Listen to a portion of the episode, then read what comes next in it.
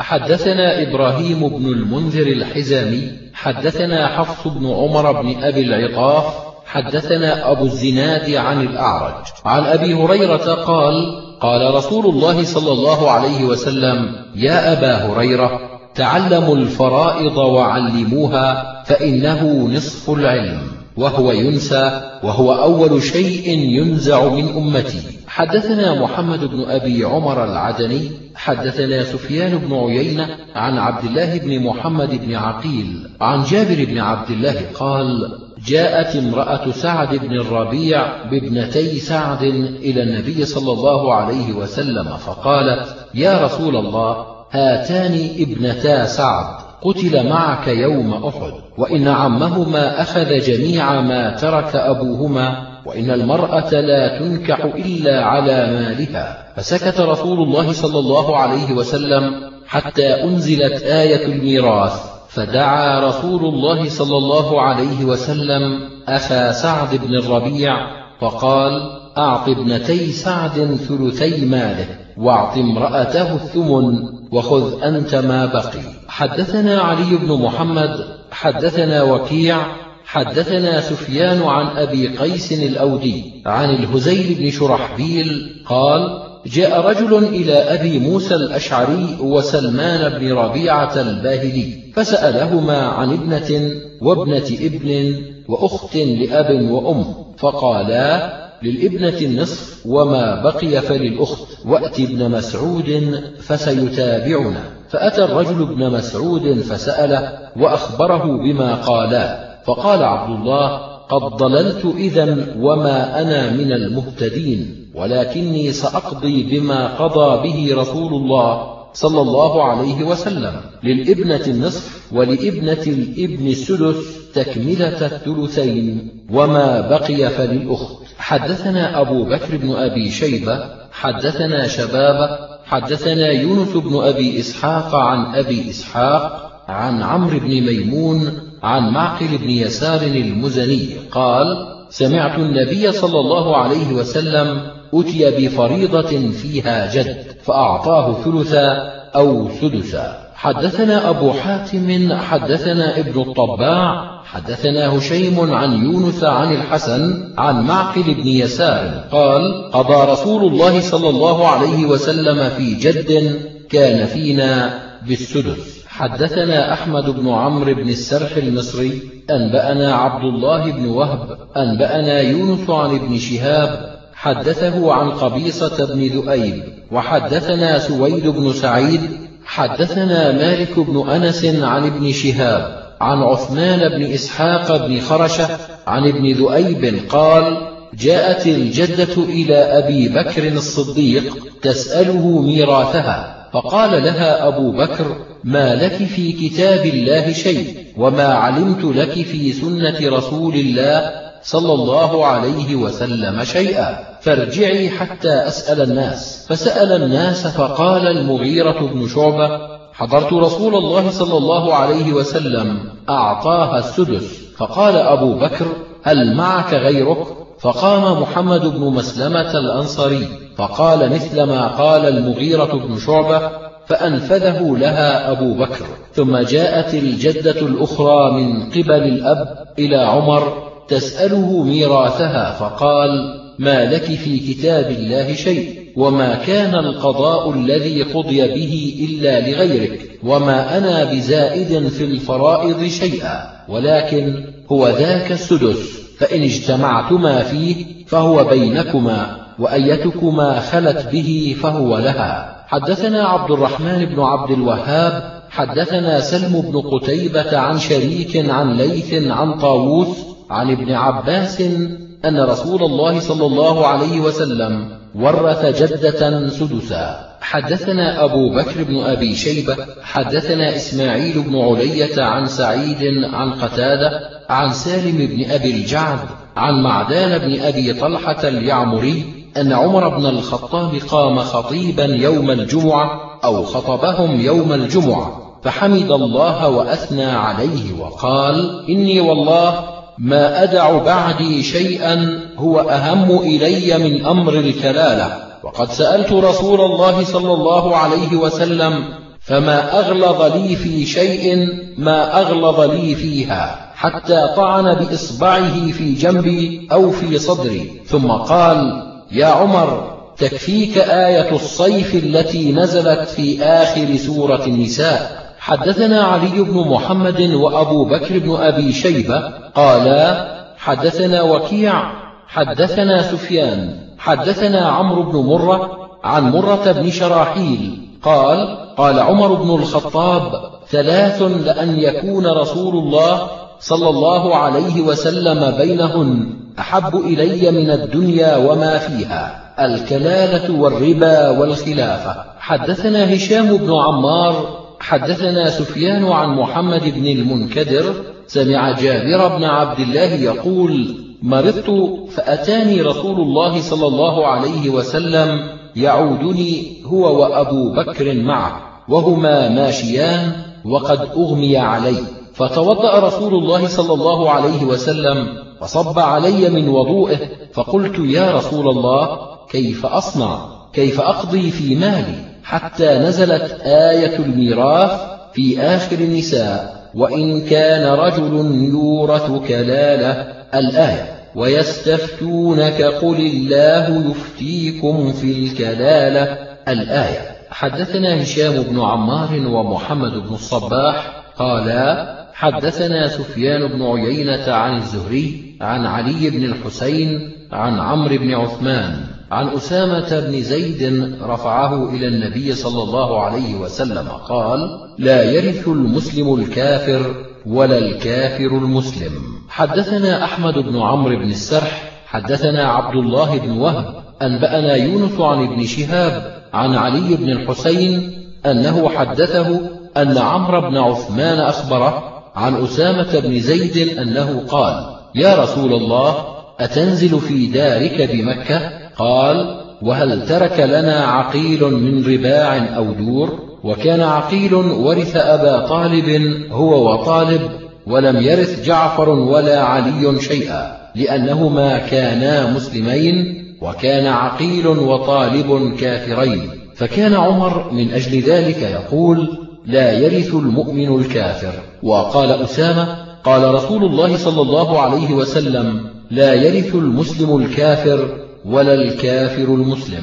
حدثنا محمد بن رمح أنبأنا ابن لهيعة عن خالد بن زيد أن المثنى بن الصباح أخبره عن عمرو بن شعيب عن أبيه عن جده أن رسول الله صلى الله عليه وسلم قال لا يتوارث أهل ملتين. حدثنا أبو بكر بن أبي شيبة حدثنا أبو أسامة حدثنا حسين المعلم عن عمرو بن شعيب عن أبيه عن جده. قال تزوج رباب بن حذيفة بن سعيد بن سهم أم وائل بنت معمر الجمحية فولدت له ثلاثة فتوفيت أمهم فورثها بنوها رباعا وولاء مواليها. فخرج بهم عمرو بن العاص إلى الشام فماتوا في طاعون عمواس فورثهم عمرو وكان عصبتهم. فلما رجع عمرو بن العاص جاء بنو معمر يخاصمونه في ولاء أختهم إلى عمر.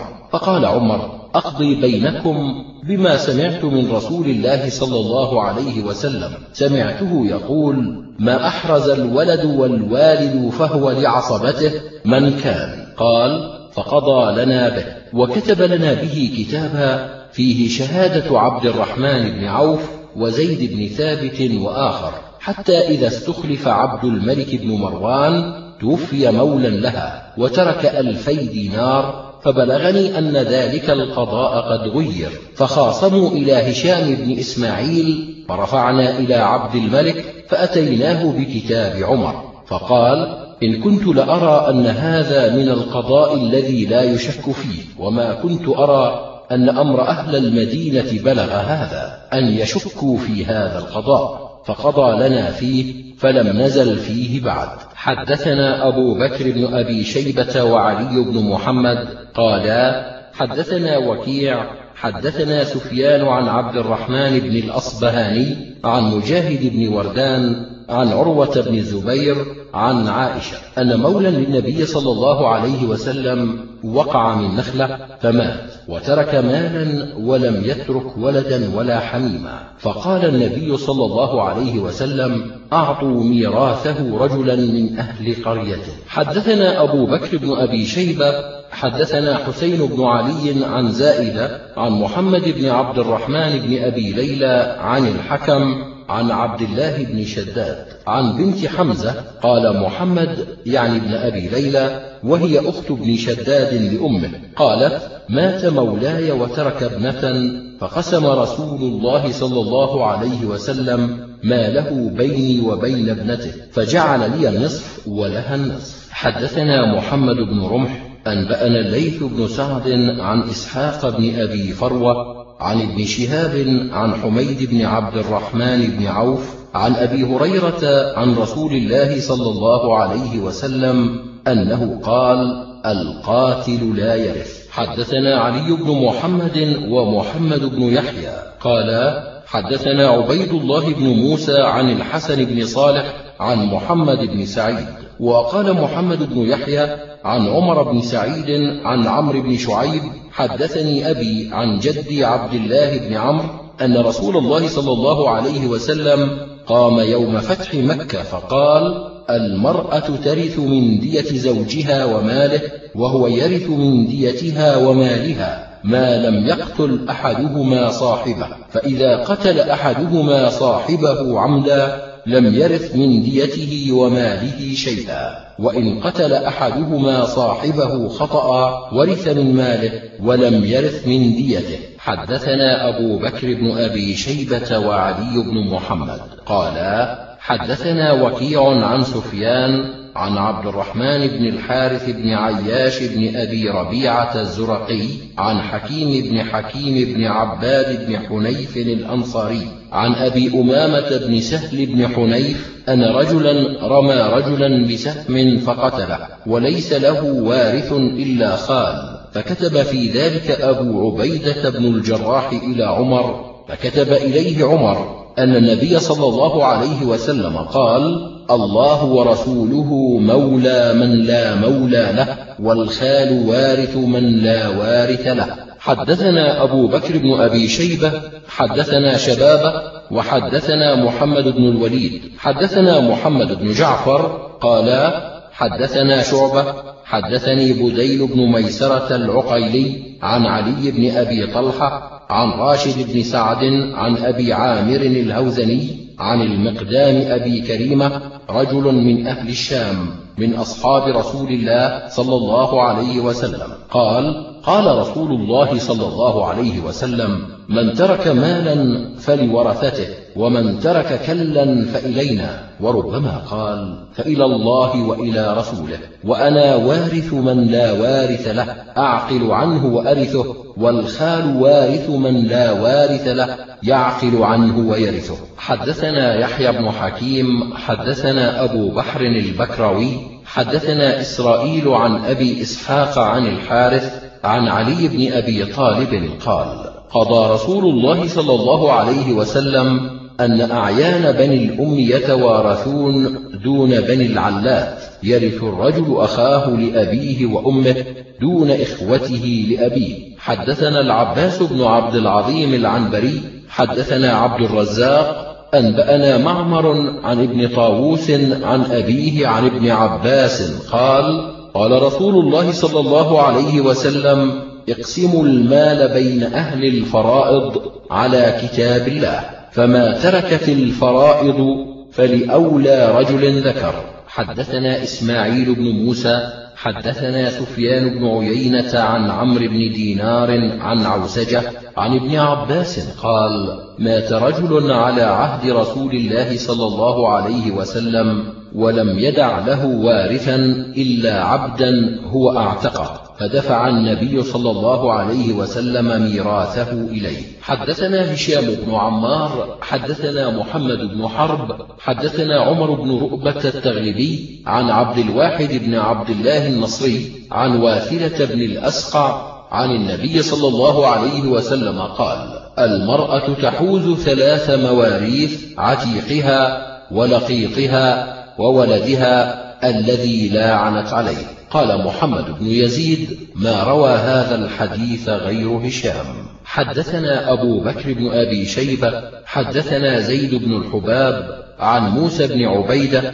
حدثني يحيى بن حرب عن سعيد بن أبي سعيد المقبري عن أبي هريرة قال لما نزلت آية اللعان قال رسول الله صلى الله عليه وسلم أيما امرأة ألحقت بقوم من ليس منهم فليست من الله في شيء ولن يدخلها جنته وأيما رجل أنكر ولده وقد عرفه احتجب الله منه يوم القيامة وفضحه على رؤوس الأشهاد. حدثنا محمد بن يحيى حدثنا عبد العزيز بن عبد الله حدثنا سليمان بن بلال عن يحيى بن سعيد عن عمرو بن شعيب عن أبيه عن جده أن النبي صلى الله عليه وسلم قال كفر بامرئ ادعاء نسب لا يعرفه أو جحده وإن دق. حدثنا أبو كريب حدثنا يحيى بن اليمان عن المثنى بن الصباح عن عمرو بن شعيب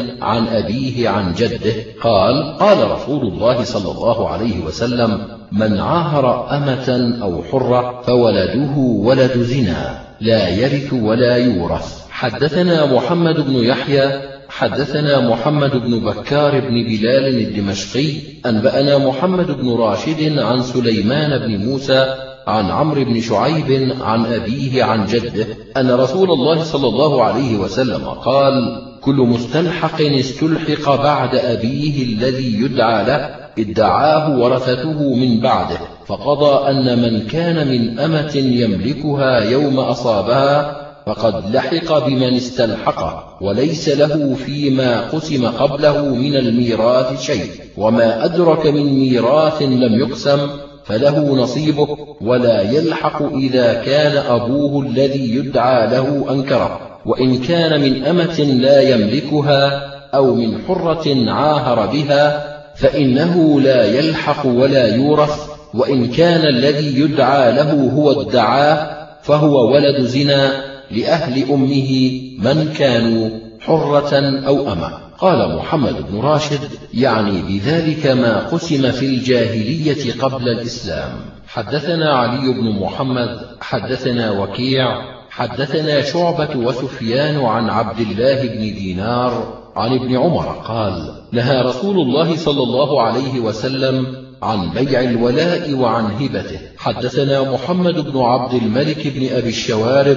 حدثنا يحيى بن سليم الطائفي عن عبيد الله بن عمر عن نافع عن ابن عمر قال نهى رسول الله صلى الله عليه وسلم عن بيع الولاء وعن هبته. حدثنا محمد بن رمح أنبأنا عبد الله بن لهيعة عن عقيل أنه سمع نافعا يخبر عن عبد الله بن عمر أن رسول الله صلى الله عليه وسلم قال ما كان من ميراث قسم في الجاهلية فهو على قسمة الجاهلية وما كان من ميراث أدركه الإسلام فهو على قسمة الإسلام. حدثنا هشام بن عمار حدثنا الربيع بن بدر حدثنا أبو الزبير عن جابر قال قال رسول الله صلى الله عليه وسلم إذا استهل الصبي صلي عليه وورث. حدثنا العباس بن الوليد الدمشقي حدثنا مروان بن محمد